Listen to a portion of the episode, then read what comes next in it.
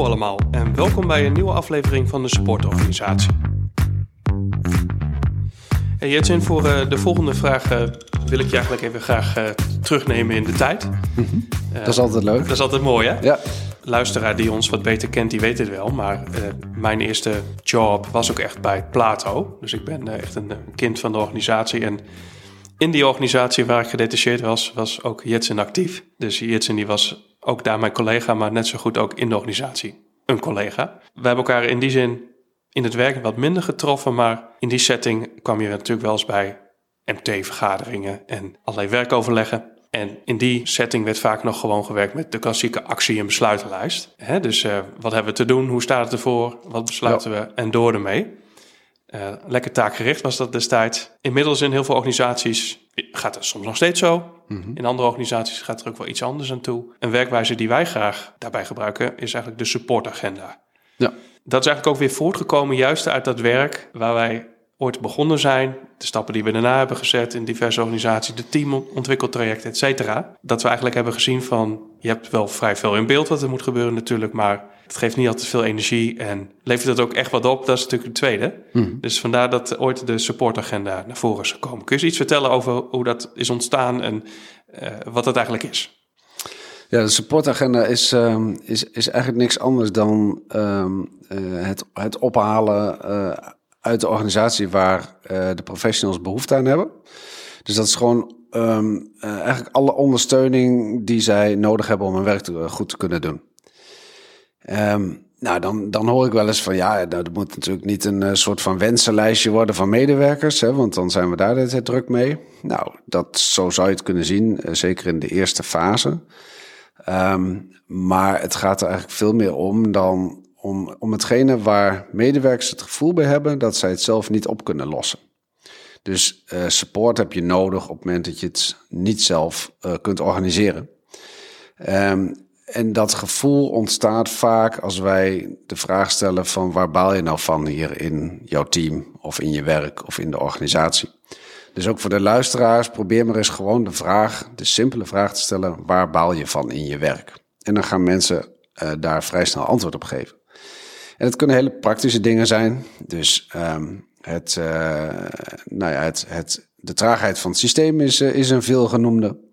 Ja, daar ga je als medewerker niet over, maar je hebt er wel iedere dag mee van doen. Um, dat kan de werkplek zijn. Uh, dat, dat kunnen eenvoudige dingen zijn als de koffie is niet lekker. Maar als je stelselmatig um, dat soort punten oppakt en dus zorgt dat de koffie volgende week wel lekker is. En als je zorgt dat het systeem wel sneller wordt, dan zul je zien dat ook die supportvragen dat die gaan wijzigen. En dat ze ook steeds strategischer worden.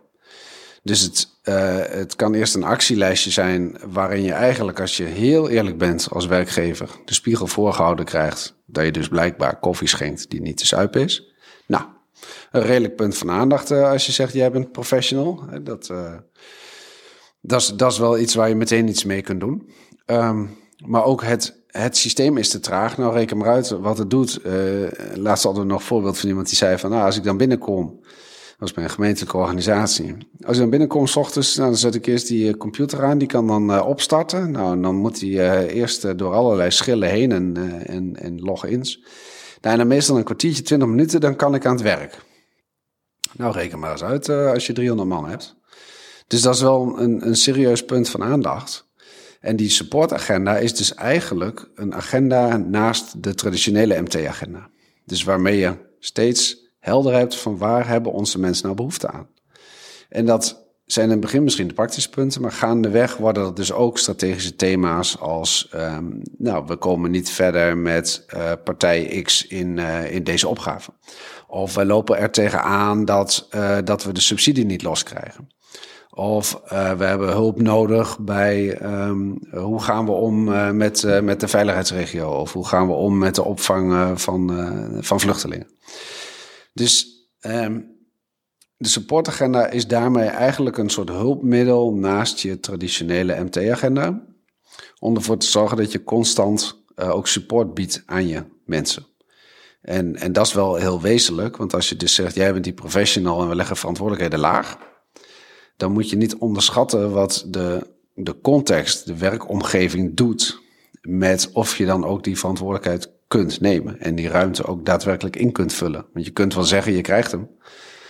Maar ja, als je pas na een kwartier uh, iets met het systeem kunt doen, en dan is nog maar de vraag, dan zit je nog maar in het systeem, maar kun je dan ook bij de juiste budgetten en kun je ook handelen en kun je met elkaar besluiten nemen. Nou, en dat is precies waar die supportagenda heel erg bij helpt. Omdat je dan dus ja, een soort van real-time uh, agenda hebt van wat is de wens van onze medewerkers, waar hebben ze hulp bij nodig. Dus dat is even, ja, wat is dan die ja. supportagenda? Ja, nou, ik pas hem ook graag toe in teams zelf. Hè? Dus um, je ziet toch wat als je veel met teams in gesprek gaat van, goh, wat kan hier beter of anders, of waar baal je van, dan dan gaat dat inderdaad van groot naar klein. Hè? Dus dan zie je dat soms daar hele wezenlijke zaken uitkomen van, nou, ik baal van de samenwerking hier, of de, de sfeer is gewoon naar, of um, nou, we hebben inderdaad wel wens om ja, een nieuw softwarepakket te hebben of uh, toch de nodige verbeteracties uh, door te voeren. Maar als je niet oppast, is dat ook een soort projectie. Hè? Van uh, wij als team hebben de boel wel oké, maar het MT moet maar eens aan de bak met dit en dat. Ja. En daar heb ik ook wel baat bij die opbouw in zo'n supportagenda. Hè? Van als je als collega dingen aandraagt, zijn er ook dingen die je in eerste stap al zelf kan doen. Mhm. Dus ben je al in staat om misschien zelf iets op te lossen? Hè? Wat heb jij eraan gedaan om de sfeer beter te maken, bijvoorbeeld? Is dat ooit besproken in het team? Ja. Zo nee, dan is dat uiteraard de eerste stap. Um, en mensen weten dat ook. Hè? Dus als je dat op die manier ook vertelt van... oh ja, ja, ja, ik moet een keer inderdaad dat aangeven. Ja. En, en de tweede stap is natuurlijk van... nou, Misschien heb je het een keer geprobeerd, maar misschien is er een collega in je team die jou kan helpen, die daar iets mee kan oppakken. En uiteraard de derde stap is als team zelf daar maar eens een bespreekpunt van te maken, een vuist te maken of iets mee op te pakken. Ja. En dan pas, dan pas een beetje de verbinding zoeken met bijvoorbeeld een leidinggevende. Hè? Dus zeker als je het vanuit zelforganiserend perspectief pakt.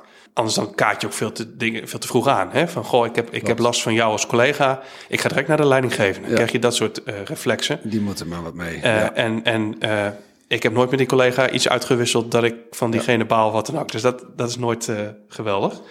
Um, en uiteraard volgt dan beetje de, uh, de thema's die inderdaad veel meer overstijgend zijn. Hè? Dus die thema's die jij net ook aandroeg.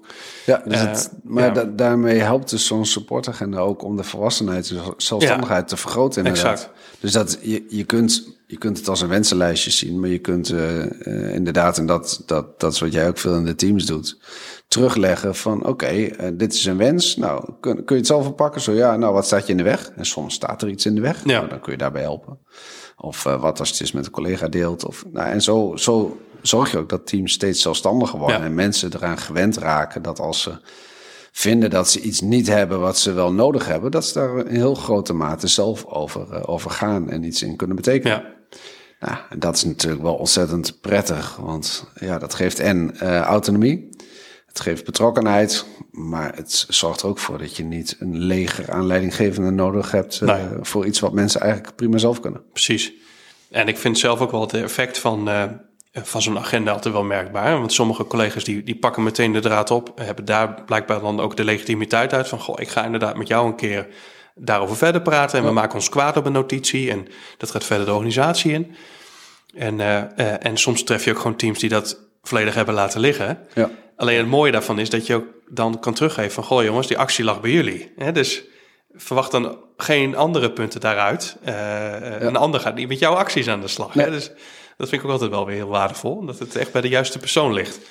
Ja, en ook als je het punt uh, pakt van, van ongemak in teams. Hè? Dus uh, nou, soms, soms hebben mensen gedoe met elkaar. Of dan is er, is er wat, wat scherpte.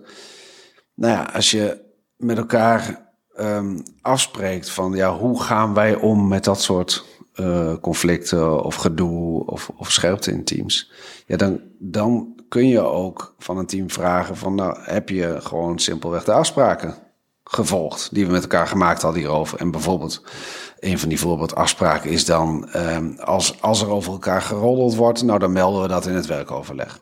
Nou, op, het moment dat je die afspraak niet serieus neemt met elkaar, ja, dan kun je vervolgens wel klagen over het punt, ja, er wordt geroddeld. Ja, dat wisten we al. En daar hadden we een afspraak over. En door, door dat soort actiepunten steeds weer vast te pakken in het team, zorg je wel dat er uiteindelijk stappen gezet worden in het team. Zonder dat je uh, druk bent met, uh, oh, uh, Jantje heeft gedoe met Pietje. En dan moet de leidinggevende erbij komen. Ja, Dus dat is wel inderdaad een, een, een voordeel van zo'n supportagenda. ja. Ja. En een van de andere eh, meerwaarden is van stel dat je met, ja, met je meeste teams besluit om zo te gaan werken, is dat je dus ook letterlijk zo'n doorwerkconstructie krijgt. Hè? Dus we hebben ook bij Ja. een van onze klanten gehad dat vanuit meerdere teams eh, kwam één onderwerp naar voren bijvoorbeeld, wat echt wel de nodige support verdient. Nou, dat geeft behoorlijk wat legitimiteit in mijn beleving. Ja, Hè, dus dat, dat, dat zijn bijna de dingen die je niet kan negeren als MT dan.